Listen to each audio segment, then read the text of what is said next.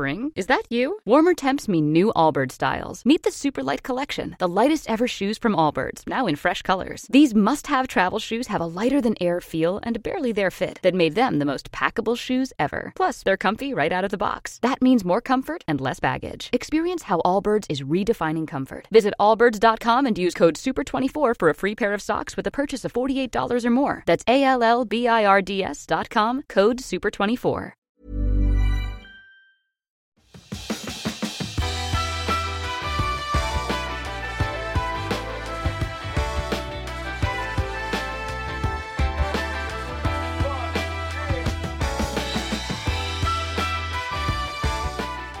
Hej och hjärtligt välkommen till Klimakteriepodden med mig, Åsa Melin.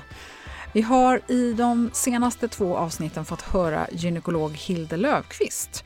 Man kan ju lugnt säga att hon har lämnat avtryck i den svenska klimakterievården och många tidigare patienter har på flera sätt visat sin uppskattning. Genom böcker och till exempel att vara med här i Klimakteriepodden så fortsätter hon ju att sprida sin värdefulla kunskap. Och det har kommit in frågor som finns kvar att besvara och det fanns frågor redan innan som jag är skyldig er svar på. Och snart så kommer det mer, så fortsätt lyssna. Följ gärna Klimakteriepodden i din poddapp så missar du inte när nya avsnitt släpps, vilket är onsdagar. I kommande avsnitt här så ska vi ta upp många av de här lyssnarfrågorna. Och då har jag med mig Naomi Flamholz igen från den digitala klimakterievårdmottagningen vomni.se. Och Naomi har för övrigt fått väldigt mycket av sin kunskap och teoretiska kunnande av just Hilde Löfqvist.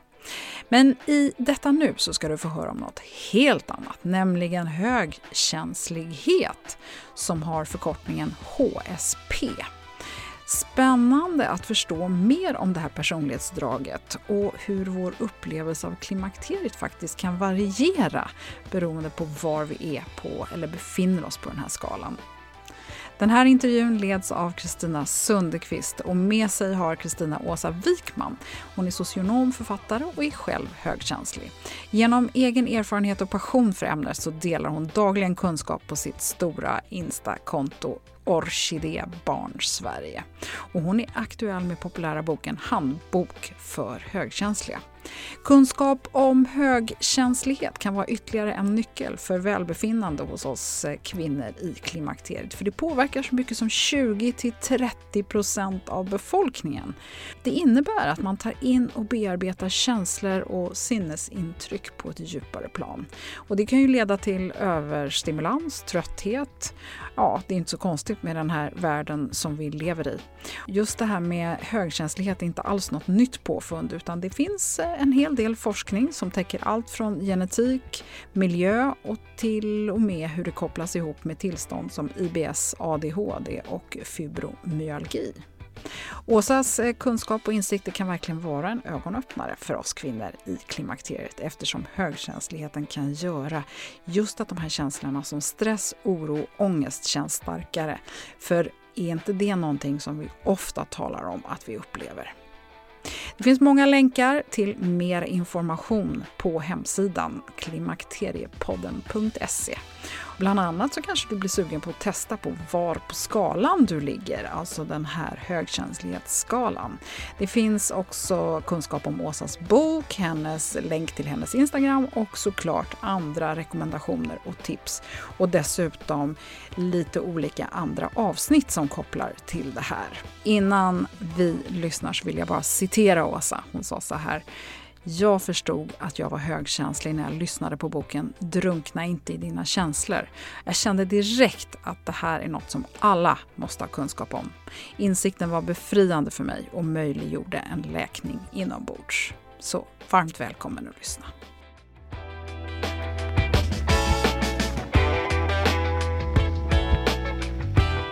Då, Åsa Wikman, säger jag varmt välkommen till Klimakteriepodden. Tack så mycket. Jag tänkte faktiskt börja med att säga stort grattis till din eh, fantastiska bok som just handlar om dagens ämne högkänslighet. Och den heter Handbok för högkänsliga. Mm. Och den här boken Den har jag, jag har följt den lite grann här nu eftersom vi har haft kontakt i några veckor och jag ser att den toppar ju faktiskt eh, listorna eh, fortfarande och har gjort det i flera veckor. Mm, flera månader till och med. Ja, ja men det är ju jätteroligt. Och, och jag har läst den här boken och det är ju en fantastisk bok. Den har ehm, eh, bra fakta, den är intressant och tänkvärd och så är den väldigt lättläst och sen är den ju också väldigt vacker. Men jag är lite nyfiken här, varför tror du att den här boken är så populär? Förutom då att den är så bra, men just det här ämnet måste ju ändå locka många. Hur tänker du om det? Uh, men det ligger, uh, jag tror att det ligger rätt i tiden. Jag har ju en hel del följare också som jag jobbar, jag har jobbat upp en ganska stor publik på mina sociala medier. Där jag har över 150 000 följare. Uh, och genom mina sociala medier sprider jag ju kunskap och ökar kunskapen i samhället. Och sen, det verkar som att människor mer än någonsin är intresserade av personlig utveckling, att förstå sig själva. Och i och med att vårt samhälle också blir mindre och mindre anpassat efter oss. Vi lever ju verkligen i ett informationssamhälle där vi bombarderas med intryck varje dag. Eh, allt ska gå väldigt snabbt och eh, både jobb och skolor präglas ju av väldigt, väldigt mycket stimuli. Så att jag tror många av oss högkänsliga känner en vilsenhet och att vi känner oss väldigt men vi mår inte bra i det samhället som Nej. vi lever i. Och därför är det många som söker svar på varför. Hur kan jag, varför är jag som jag är? Hur kan jag göra för att må bra? Då liksom har min bok poppat upp där. Oh, det, kanske är, det här kanske är någonting jag är. Ja. Eh, och fler, alltså många människor känner igen sig i det här. Så att jag tror bara det ligger rätt i tid. Den är snyggt paketerad, den är, det är ett bra innehåll, det är lätt, lätt språk som du säger. Så att jag tror själva paketet blev väldigt bra, allting tillsammans. Och eh, du har ju redan varit inne på det, du, du är ju själv då högkänslig och eh, eh, sen är du också socionom i grunden. Mm, precis. Men vill du tillägga någonting mer om dig själv och din bakgrund och hur du just kom in på att börja dela då den här informationen som då, vad jag förstår, var det här att du började med ditt Instagramkonto då som snabbt fick ganska många följare. Mm. Men bakgrunden är väl egentligen att jag har haft lidit av mycket psykisk ohälsa. Och, eh, mycket har ju att göra med att jag hade en, en dålig bakgrund, eller en dålig barndom. Och alltid letat efter svar på varför jag mår som jag mår och varför jag påverkar så mycket av min omgivning. Mycket mer än men till exempel min syster som växte upp i samma miljö. Sen så socionomutbildning, ja det kanske har varit en del, det är ju en del av vem jag är, att jag vill hjälpa människor. Jag älskar ju kunskap och jag älskar att grotta ner mig i saker och det här är någonting som jag själv mår bra av, som gynnar mig och mina barn. Och då kände jag att jag har liksom, nu har jag den här, det kändes som att jag bar på en hemlighet. Nyckel till ett bra mående som alla borde ha. Och det var därför jag startade kontot. För att jag ville att andra också skulle ha de här förutsättningarna som jag fick då med den här kunskapen. Vi ska ju koppla det här med högkänslighet då till kvinnan mitt i livet och på, på olika sätt. Och eh, det är ju så att kvinnan då mitt i livet kan ju uppleva det här med stress, ökad känslighet, man kan känna sig deppig, många blir utbrända. Mycket känslor, eh, att man också blir känslig i vissa situationer, att det kan kännas jobbigt med mycket folk, ljud, stök, kontorslandskap och så vidare. Mm. Och eh, vi har ju pratat om det här i andra sammanhang i podden och mycket har ju med hormoner att göra när man då är i klimakterieåldern. Men jag tänker här att det här med högkänslighet kan ju faktiskt också vara en pusselbit till för, eh, kvinnan då i klimakteriet att bättre, eller ytterligare ett sätt då att förstå varför man mår som man gör. Mm. Så det här ska vi eh, nysta vidare i helt enkelt. Ska vi börja med att du översiktligt får berätta vad högkänslighet är och hur man eh, kan, eh, vad det finns för symptom på det här om man säger så? Mm, absolut. Högkänslighet är ju ett personlighetsdrag, ett fullt normalt personlighetsdrag som cirka 30 procent av befolkningen har. Eh, och det kännetecknas av att vi tar in väldigt mycket saker runt omkring oss. Det vetenskapliga ordet för, eller den vetenskapliga termen är sensorisk bearbetningskänslighet. Och det innebär att vi är känsliga för vår sensoriska omgivning. Vi är även, eh, alltså allt vi tar in genom våra sinnen. Och både för den emotionella miljön, och, men även för den fysiska då.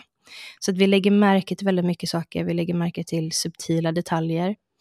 Eh, det kan vara att eh, någon biter på naglarna, någon som smaskar, till att vi märker att någon har, eh, verkar arg eller ledsen. Och sen så bearbetar vi det här väldigt mycket då på djupet, att vi tänker väldigt mycket om det. Eh, jag kanske lägger märke till att du är ledsen eller nedstämd. Och sen går jag runt och funderar på varför är Kristina, varför verkar hon nedstämd? Har det någonting med mig att göra? Har det någonting med något annat att göra? Ja, men hon sa ju så här igår. Och så kan vi gå liksom runt och tänka sådär väldigt mycket om väldigt mycket saker. Um, och sen har vi ju då en, en, ökad, alltså dels hög empati. Man har sett att vi har mer aktiva spegelneuroner uh, som har en, spelar en stor roll i empatin då, och emotionellt reaktiva. Att vi reagerar mer känslomässigt, både på positiva och negativa upplevelser och saker. Och sen då leder det här då lätt till ett annat grunddrag och det är vår ten tendens då att bli överstimulerade. Och den här överstimulansen händer ju då när vårt nervsystem handlar, hamnar i obalans. Och det gör det ju väldigt lätt då när vi lever i ett sådant samhälle som vi gör, där vi blir konstant bombarderade med stimuli. Så att vi behöver verkligen ta hand om oss själva för att inte hamna där hela tiden, för överstimulansen är man överstimulerad under en längre period så kan det leda till ångest, psykisk ohälsa, depression, utmattning och så vidare. Så att det är grunddragen, men alla de här sakerna är ju också fördelar och styrkor. Vi är väldigt analytiska, för att vi funderar så mycket. Empatin kan göra att vi skapar djupa band med människor lätt, förstår människor. Och eh, det finns många, vi har hög intuition och det finns många fördelar. Men styrkorna blir lätt utmaningar om vi inte mår bra. Just det. Och är det här medfött eller är det någonting som kommer genom livet? Man föds med det, eh, men hur det tar sig uttryck då har cirka 50% med miljön att göra och 50% med generna. Men vi påverkas ju som sagt väldigt, väldigt mycket av vår omgivning. Så har vi en dålig uppväxt, en uppväxt där vi inte får ta plats, där våra känslor inte får uttryckas, där vi blir invaliderade, så kommer vår högkänslighet ta sig uttryck mer. Den kommer bli högre, kan man säga. Jag vet att i boken så har du med en, eh, vad ska man säga, en test hur man, eller vad säger man, ett formulär för att kolla då om man är högkänslig. Och vad, vad heter det? Det, fin, det heter någonting det här testet, eller hur? Ja, HSP-skalan. HSB-skalan, okej, okay. så den kan man, om man är intresserad kan man googla upp den då om man vill titta på om man, mm. om man är högkänslig, om man är, tycker det är spännande. Absolut. Finns i min bok och sen finns den på lite olika sidor då på nätet. Och HSP-skalan heter det, det är det enda vetenskapliga testet som finns. Eh, och HSP-skalan heter eftersom att från början var det, alltså det, det ursprungliga testet har en skala på varje fråga från 1 till 5, där man får känna igen sig då, lite eller mycket. Eh, men så finns det en version som är ja och nej, där man kan svara ja eller nej. Då är det frågor allt från att jag är känslig för min sensoriska miljö, eller jag är känslig för effekten av koffein, jag lägger märke till andra sinnesstämningar, eh, och så vidare, och så vidare. För att förstå då om man är högkänslig kan man antingen läsa på om det och se om man känner igen sig i det, eller så kan man göra det här, det här testet då. När det gäller forskning då inom det här området, hur ser det ut, eh, hur ser det ut där? Mm, det forskas väldigt mycket om det. Eh, och det har forskats mycket på det sedan 90-talet. Det forskas mycket på, de håller på att utforma test. Jag såg nu att de håller på och utvecklar testen för att se, alltså för barn. De tittar också på eh, just det här med gener och miljö alltså hur miljön påverkar högkänsliga barn, högkänsliga personer. Det finns väldigt mycket studier. I Japan har de exempelvis släppt studier där de har eh, kollat hur, alltså magbesvär, hur det har en korrelation med högkänslighet och sett att det finns en korrelation. Så att, men det forskas mycket nu. För, förra året så släpptes en studie om att eh, vi påverkas redan i vår, alltså våra mammors magar, när vi ligger i mammas mage. Alltså våra prenatala upplevelser kan påverka vår miljökänslighet. Så det studeras väldigt mycket just på miljökänslighet. Och det finns ju olika teorier som framtagits för att styrka de här teorierna. Då. Eh, så att det forskas väldigt mycket om det och mycket vet jag inte ens om. Jag vet att Elaine Aron har varit, typ, Elaine Aron är ju Eh, hon som myntade begreppet tillsammans med sin man och forskat längst om det här. Och hon forskar väldigt mycket fortfarande på det. Så att jag sitter här egentligen eh, och väntar mycket på att det ska komma ännu mer forskning. Men det, nej, det, det, finns väldigt mycket. Det finns väldigt mycket. Det forskas lite på liksom, kopplingen till ADHD. Det är lite olika områden forskare forskar på runt om i världen. Det visar ju också att det finns då ett stort intresse för det här och att man vill veta mer. Och, så det här är ju, vad jag ville få fram här, det att det här är ju ingenting hittepå om man säger så, utan det här, det här är ju någonting som verkligen finns. Det gör ju det, det är bara att kunskapen fortfarande är väldigt låg här i Sverige om det, eh, just inom professioner. Jag vet att någon följare sa att hennes psykoterapeut har då jobbat i England och där var det allmänt vedertaget att högkänslighet finns. Det är inget hittepå, men eh, det blir fel, alltså det har fått felakt, en felaktig stämpel lite. Men du, jag tänkte på en annan sak här. Um jag tänker ju när man pratar då om högkänslighet, där kommer man ju också in på, finns det likheter här med in, att vara introvert eller blyg? Det är ju en del saker som låter delvis likadant som att vara introvert. Hur, tänk, hur tänker du där? Eller hur ser det ut, kopplingen? Mm. Nej men introvert, alltså man kan vara, de flesta högkänsliga personerna drar mer åt det introverta hållet. Eh, Elaine Aron menar då att cirka 70 procent är introverta, 30 procent är extroverta. Och sen så finns det forskare som ser det som en skala. Och då drar man lite, ofta lite mer åt ett håll än det andra, men man har båda inom sig. Man kan ju vara både extrovert och högkänslig, men det är en lite, lite jobbigare kombination eftersom att man hela tiden vill ha det där sociala samtidigt som man blir lika trött som en introvert högkänslig egentligen av sociala tillställningar. Så det betyder att är du då extrovert högkänslig så kan du gå på alla de här eh, minglerna och alla människor och sen, sen mm. blir du då jättetrött. Ja, och får social baksmälla som jag brukar prata om. Eh, men att vara då eh, blyg är ju att vara rädd och osäker kan man säga i sociala sammanhang. Att man är rädd för att bli dömd eller bedömd. Och blyghet är inte samma mm. sak som högkänslighet eller att vara introvert, utan man kan vara högkänslig och ofta är vi, har vi social kompetens. Det är bara att vi, en högkänslig introvert får inte samma, man får inte ut samma sak av en social tillställning. Eh, och därför kanske man står i ett hörn och inte, inte pratar så mycket med de andra. Man väljer att inte ge sig in i myllret. Och sen så många Alltså många barn, högkänsliga barn blir felaktigt stämplade som blyga eftersom att de gärna vill stämma av läget innan de ger sig in i någonting. Och sen kanske de väljer, liksom bestämmer sig för att det inte är värt den här energin eh, och då ger de sig inte in i, i eh, leken. Eh, och då är det lätt hänt att någon vuxen kommer och säger ja, du är lite blyg, det gör ingenting. Eh, och då sätter vi en stämpel på barnen och så tänker de okej, okay, jag är blyg. Och så börjar man, så det, det är inget bra att det här med att vara blyg eh, är verkligen, det, det kan man absolut vara och vara högkänslig, men det är inte samma sak. Och det är viktigt att komma ihåg. Jag vet att du får ju väldigt mycket meddelande då ifrån dina följare och dina läsare och du har även i boken eh, tagit upp då meddelande eller delat med dig av meddelanden du har fått.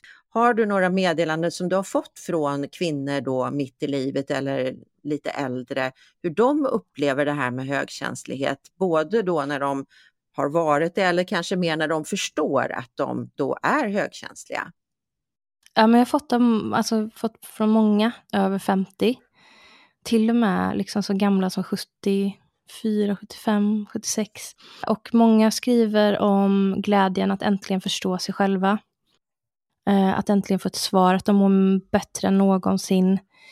Eh, men också en sorg i att inte ha förstått tidigare. gått runt hela livet och inte förstått sig själva på djupet. Ja, men det är flera som skriver om att de har bättre relation med sina män. Det är främst det är ingen, inte en, en äldre, det finns jo, några äldre män som också skrivit att de blir hjälpta av att förstå att de är högkänsliga. Men det verkar vara liksom som en katalysator till bättre mående faktiskt, att just bara förstå, okej, okay, det här högkänslighet förklarar en stor del, inte allt, eftersom att vi är så mycket mer också. Och jag är inte ensam. Här finns det massa som är som jag. Det är liksom, det är en ganska, det gör väldigt mycket med människor. Så att jag har fått från många i över 50.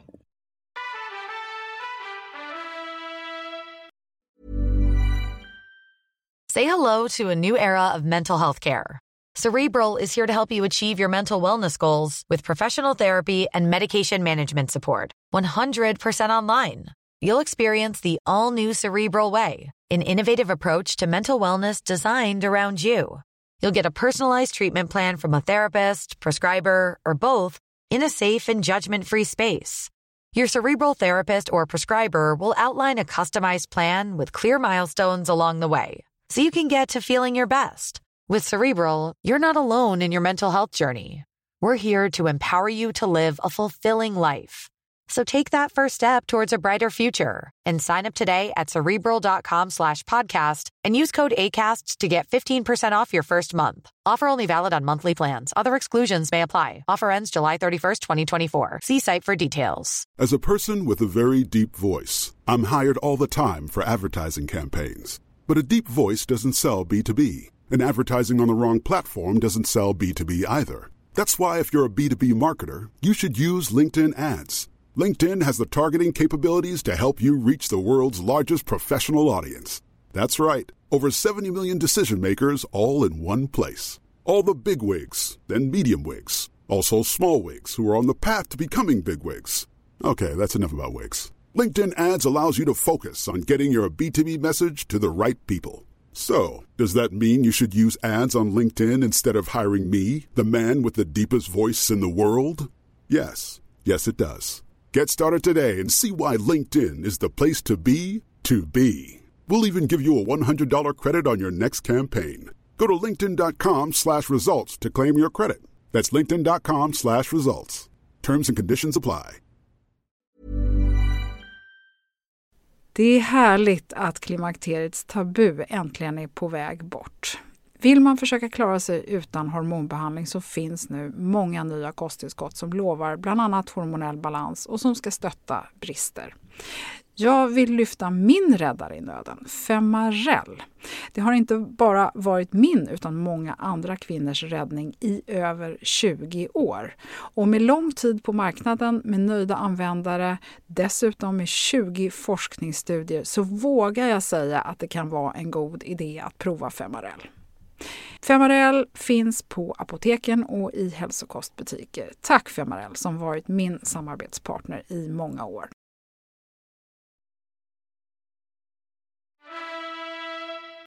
Har du fått någon känsla av också om det här kopplat då till exempelvis menscykel eller eh, klimakteriet då såklart? Mm. Många vittnar ju om att de har mer besvär med PMS, med mens, eh, smärtor och eh, även alltså hormoner och eh, även klimakteriet. Eh, men det finns ingen forskning som styrker det här, men det låter, alltså ska vi utgå från att som högkänsliga då, att vi är mer medvetna om våra inre förnimmelser, alltså smärtor, vi är mer medvetna om våra kroppar och påverkas mer av det. Då är det inte konstigt att vi upplever klimakteriet mer intensivt. Att det blir jobbigare alltså om du har Ja, vi påverkas ju lättare av både inre stimuli och yttre stimuli. Ja. Och inre stimuli är ju kropps, kroppsliga förändringar, hormoner. Just det. Och då kommer vi ju in på det här med serotoninet tänker jag. Mm. För här finns det ju faktiskt någon koppling också. Kan du berätta om det? Ja, man har ju sett genom flera studier att vi har den här genvariationen 5-HTT-LPR som innebär att vi har lägre, förmodligen innebär att vi har lägre nivåer av serotonin. Så den kopplingen finns. Sen finns det inga studier som säger att högkänsliga personer har lägre nivåer av serotonin. Men det är ju den här kopplingen som man gör då. Så att det, den kopplingen finns då. Mm. För det, jag tänkte just här på serotoninet, så, för det är ju också något som blir känsligare eller blir lägre när vi kommer i klimakteriet, att vi alltså mm. har en lägre serotoninnivå och det kan ju då förklara det här att vi, att vi blir deppiga och nedstämda och så vidare. Och då tyckte jag den här kopplingen då till att om det då eventuellt kan vara så att även då den här högkänsligheten kan påverka mm. eller spela in då i serotoninet så är ju det ytterligare en faktor. Tidigare så nämnde du också den här kopplingen till att man kan vara känsligare i magen om man då är högkänslig och då tänker jag också på serotoninet här som har en koppling till magen. Ja men precis. Man räknar väl med att en väldigt stor andel av vårt serotonin produceras i vår mage och våra tarmar. Man har ju sett en koppling då mellan de som svarar högt, alltså skattar sig högt på HSB-skalan och gastrointestinala problem som IBS, diarré, förstoppning och andra reflux och andra magbesvär. Och även då också fibromyalgi har man också sett en koppling till. Okej, att fibromyalgin då blir värre om du, har, om du är högkänslig? Ja, men det är det man har sett då genom några studier. Det är några studier från Japan som har undersökt det här. Mm. Men eh, om man då är medveten om att man har den här eh, diagnosen, ska man väl inte säga då, utan det här personlighetsdraget är det väl, så säger man va? Ja, precis. Hur ska man eh, agera och möta sin högkänslighet i olika situationer? Du behöver ta hand om dig själv genom att sätta gränser, att våga säga nej till saker som du inte känner för, för eller saker du inte orkar göra. Ta inte på dig för mycket jobb på jobbet, bara för att vara snäll eller för att göra andra glada. Det är lätt för oss att sätta andras behov framför våra egna eftersom att vi vill göra andra glada. Eh, och det är inte värt det, för vårt mående kommer först. Tar vi bara, ser vi till andras behov hela tiden och negligerar oss själva så kommer vi gå in i väggen. Så ta hand om dig själv genom att sätta gränser. Se till att försöka tänka på det som ett batteri. Vad ger dig, vad ger dig energi? Eller vad laddar batterierna och vad laddar ur dem? Se till att hela tiden vara på plus, att du inte hamnar på noll där. Och det kan du ju, alltså, har du jobbat en dag och känner dig trött och kommer hem, ta en dusch eh, med något härligt, någon härlig duschtvål, det kan hjälpa. Eh, gå ut och gå i skogen, lyssna på din favoritbok, lyssna på dina favoritlåtar, kolla på din favoritserie. Alltså att du gör saker för dig själv så att du, för mår du bra i dig själv och hittar en balans, då blir du mer motståndskraftig mot de här utmaningarna som kommer med högkänsligheten. Öva på att inte ta allt personligt. Vi har väldigt lätt för att göra det. Jag skriver mycket om det på mina sociala medier. Det står en hel del om det i min bok, hur man kan göra det. För det är en process. Eh, och det allra viktigaste, eh, mitt viktigaste budskap alltid, är att du måste vara snäll mot dig själv. Du behöver bekräfta dig själv eh, och säga snälla saker till dig själv. Lägg märke till din inre kritiker. Svara din inre kritiker. Eh, säger din inre kritiker du är lat. Idag har du inte gjort någonting. Då säger du nej, jag är inte lat. Jag gör mitt bästa. Idag behövde jag vila. Och till slut så kommer den där inre kritiken blir lite svagare och försvinna. Och då behöver du också mindre, dels mår du bättre i dig själv, dels behöver du mindre bekräftelse från omgivningen. Det var bara några saker. Jättemycket bra tips.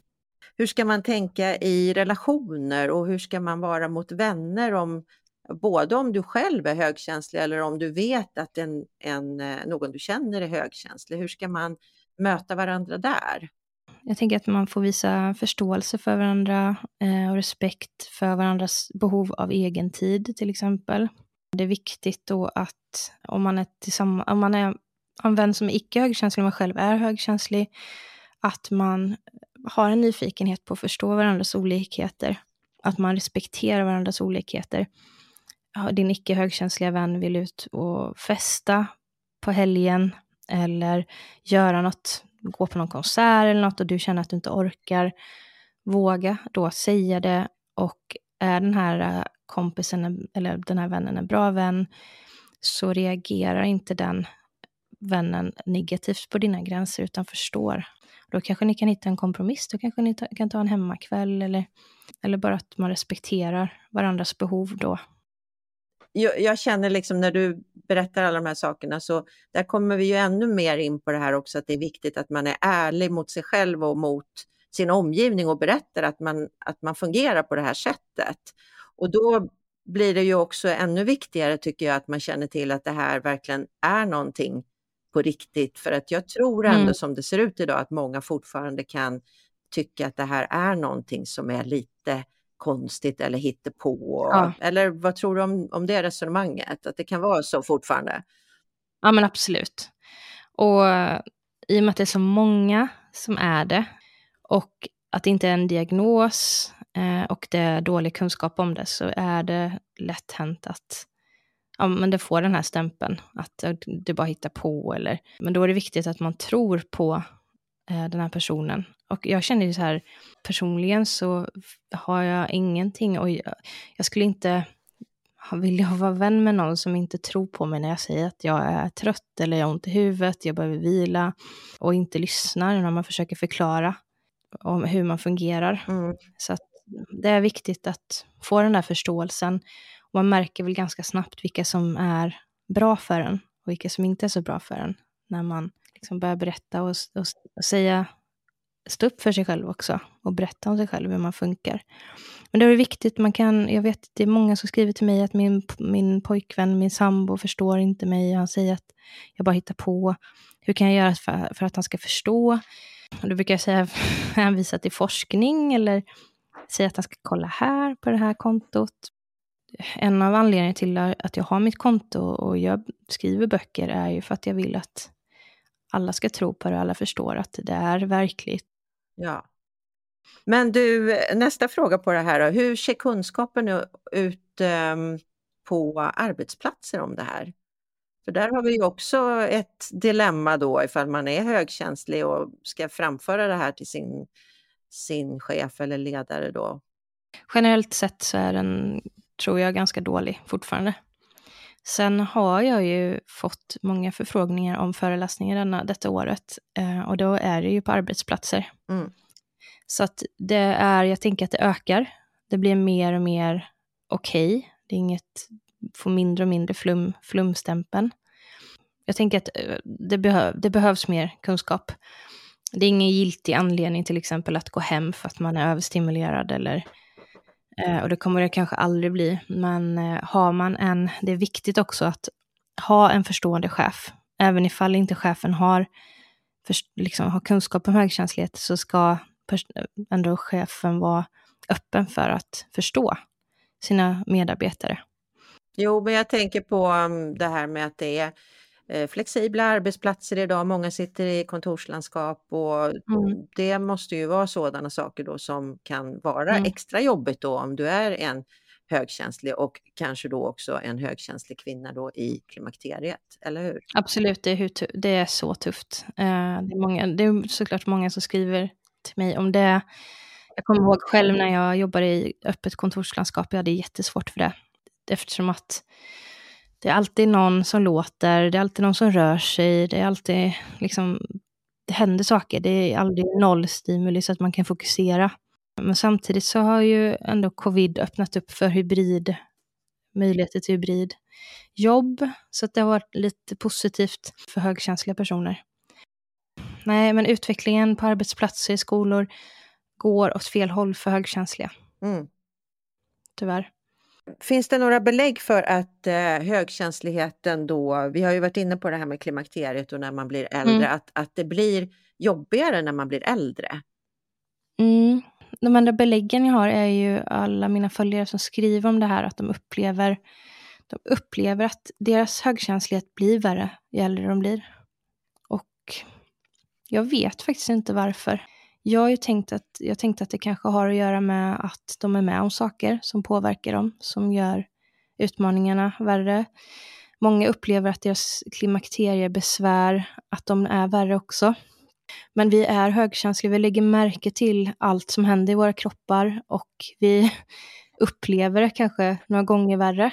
Eh, så att det är inte konstigt om vi upplever allt vi är också känsliga för smärta som många inte håller med om, men eh, det är en utav eh, så att jag tror att vi påverkas definitivt mer av alla hormonella förändringar i kroppen eftersom att vi är så medvetna om oss själva och våra kroppar. Mm. Det är många som sagt som skriver till mig och upplever att deras, ja allt är, liksom, de in, upplever allt mer intensivt. Eh, PMS, mens, klimakterie. Mm. Det känns som att det finns många olika kopplingar här till eftersom klimakteriet då ändå innebär mycket utav att man får det här måendet som då också stämmer in en del på hur man då känner sig som högkänslig. Så jag tycker det här är superintressant. Mm. Så jag tror definitivt att om man att det här kan vara ytterligare en pusselbit för kvinnor att kanske fundera på om man är intresserad och tror att man är högkänslig för att kanske förbättra sitt mående. Mm. Men jag tänkte på en annan sak här också när vi talar då om ett hälsosamt liv och åldrande så är det ju en parameter att man då ska ha ett, eh, man ska ha sociala kontakter. Ja. Och om vi då tittar på högkänsliga då som behöver vara själv och så vidare, hur, hur får man ihop den här kopplingen? Mm. Ja, men det är ju viktigt att vi, vi blir ju lätt bekväma och eh, är vi introverta och högkänsliga så är det ju lätt hänt att vi isolerar oss emellanåt. Det är viktigt att komma ihåg att vi, kan inte, vi ska inte göra det helt. Vi behöver hålla kontakt med människor för att inte bli helt isolerade. För att det finns så mycket forskning som säger att just sociala kontakter är superviktigt för vårt välbefinnande. Och många äldre blir ju lätt isolerade. Eh, och det påverkar deras mående jättemycket och deras livskvalitet. Så att det är viktigt att eh, liksom hitta en balans. Att vi ändå håller kontakt med, att vi hittar våra människor helt enkelt, som vi trivs med.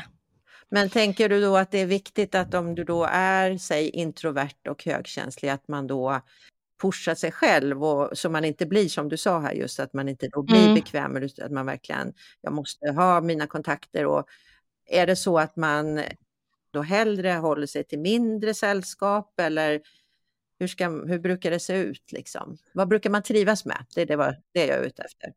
Eh, man brukar trivas i mindre grupper, helst en och en, men eh, i mindre grupper med människor som är genuina, Som man känner sig att man kan vara sig själv med.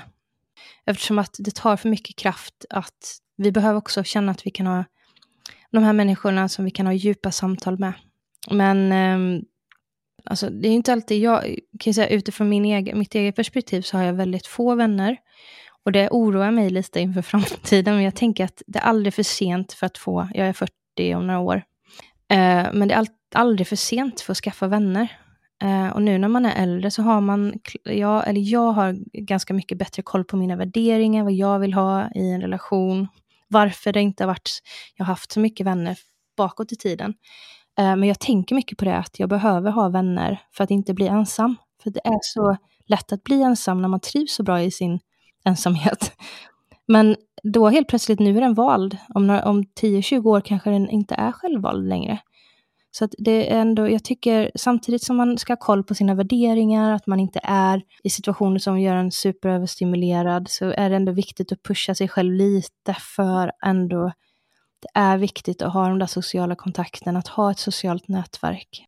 Men bara att man har ett litet gäng som man känner att man kan göra något med, för att det är så viktigt för vårt mående. Det är faktiskt värt att bli lite överstimulerad. Det här är bara personlig åsikt. Det är ju en risk då med att vara högkänslig och trivas så himla bra i sitt eget sällskap. Nej, men jag tycker det, det är jätte, jätteklokt resonemang, jättebra saker. Och eh, vi ska ta och börja runda av, så det här tycker jag var, det var jättebra avslutande kommentarer också. Men har du någonting mer som du skulle vilja dela med dig av till lyssnarna här innan vi avslutar? Ja, men alltså, jag har sagt det absolut viktigaste är att om du känner igen dig i att du är högkänslig, du lär dig om högkänslighet, att du förstår att du inte är ensam och att eh, du är snäll mot dig själv, att du sänker kraven på dig själv Eh, och bli din egen bästa vän. Det låter lite klyschigt, men det är så viktigt att vi blir snälla mot oss själva. För är du högkänslig så känner du nog igen dig i att du är ganska självkritisk och har höga krav på dig själv. och sänk de kraven och bli snäll mot dig själv. Ja, jättefint. Och eh, som sagt, Åsas bok heter då Handbok för högkänsliga och ditt Instagramkonto heter Orkidébarn Sverige. Mm. Så kika gärna in där om ni är intresserade. Och eh, med det sagt Åsa så tackar jag dig jättemycket för din tid här idag och för att du ville vara med och sprida den här viktiga informationen i Klimakteriepodden. Tack snälla för att jag fick komma hit.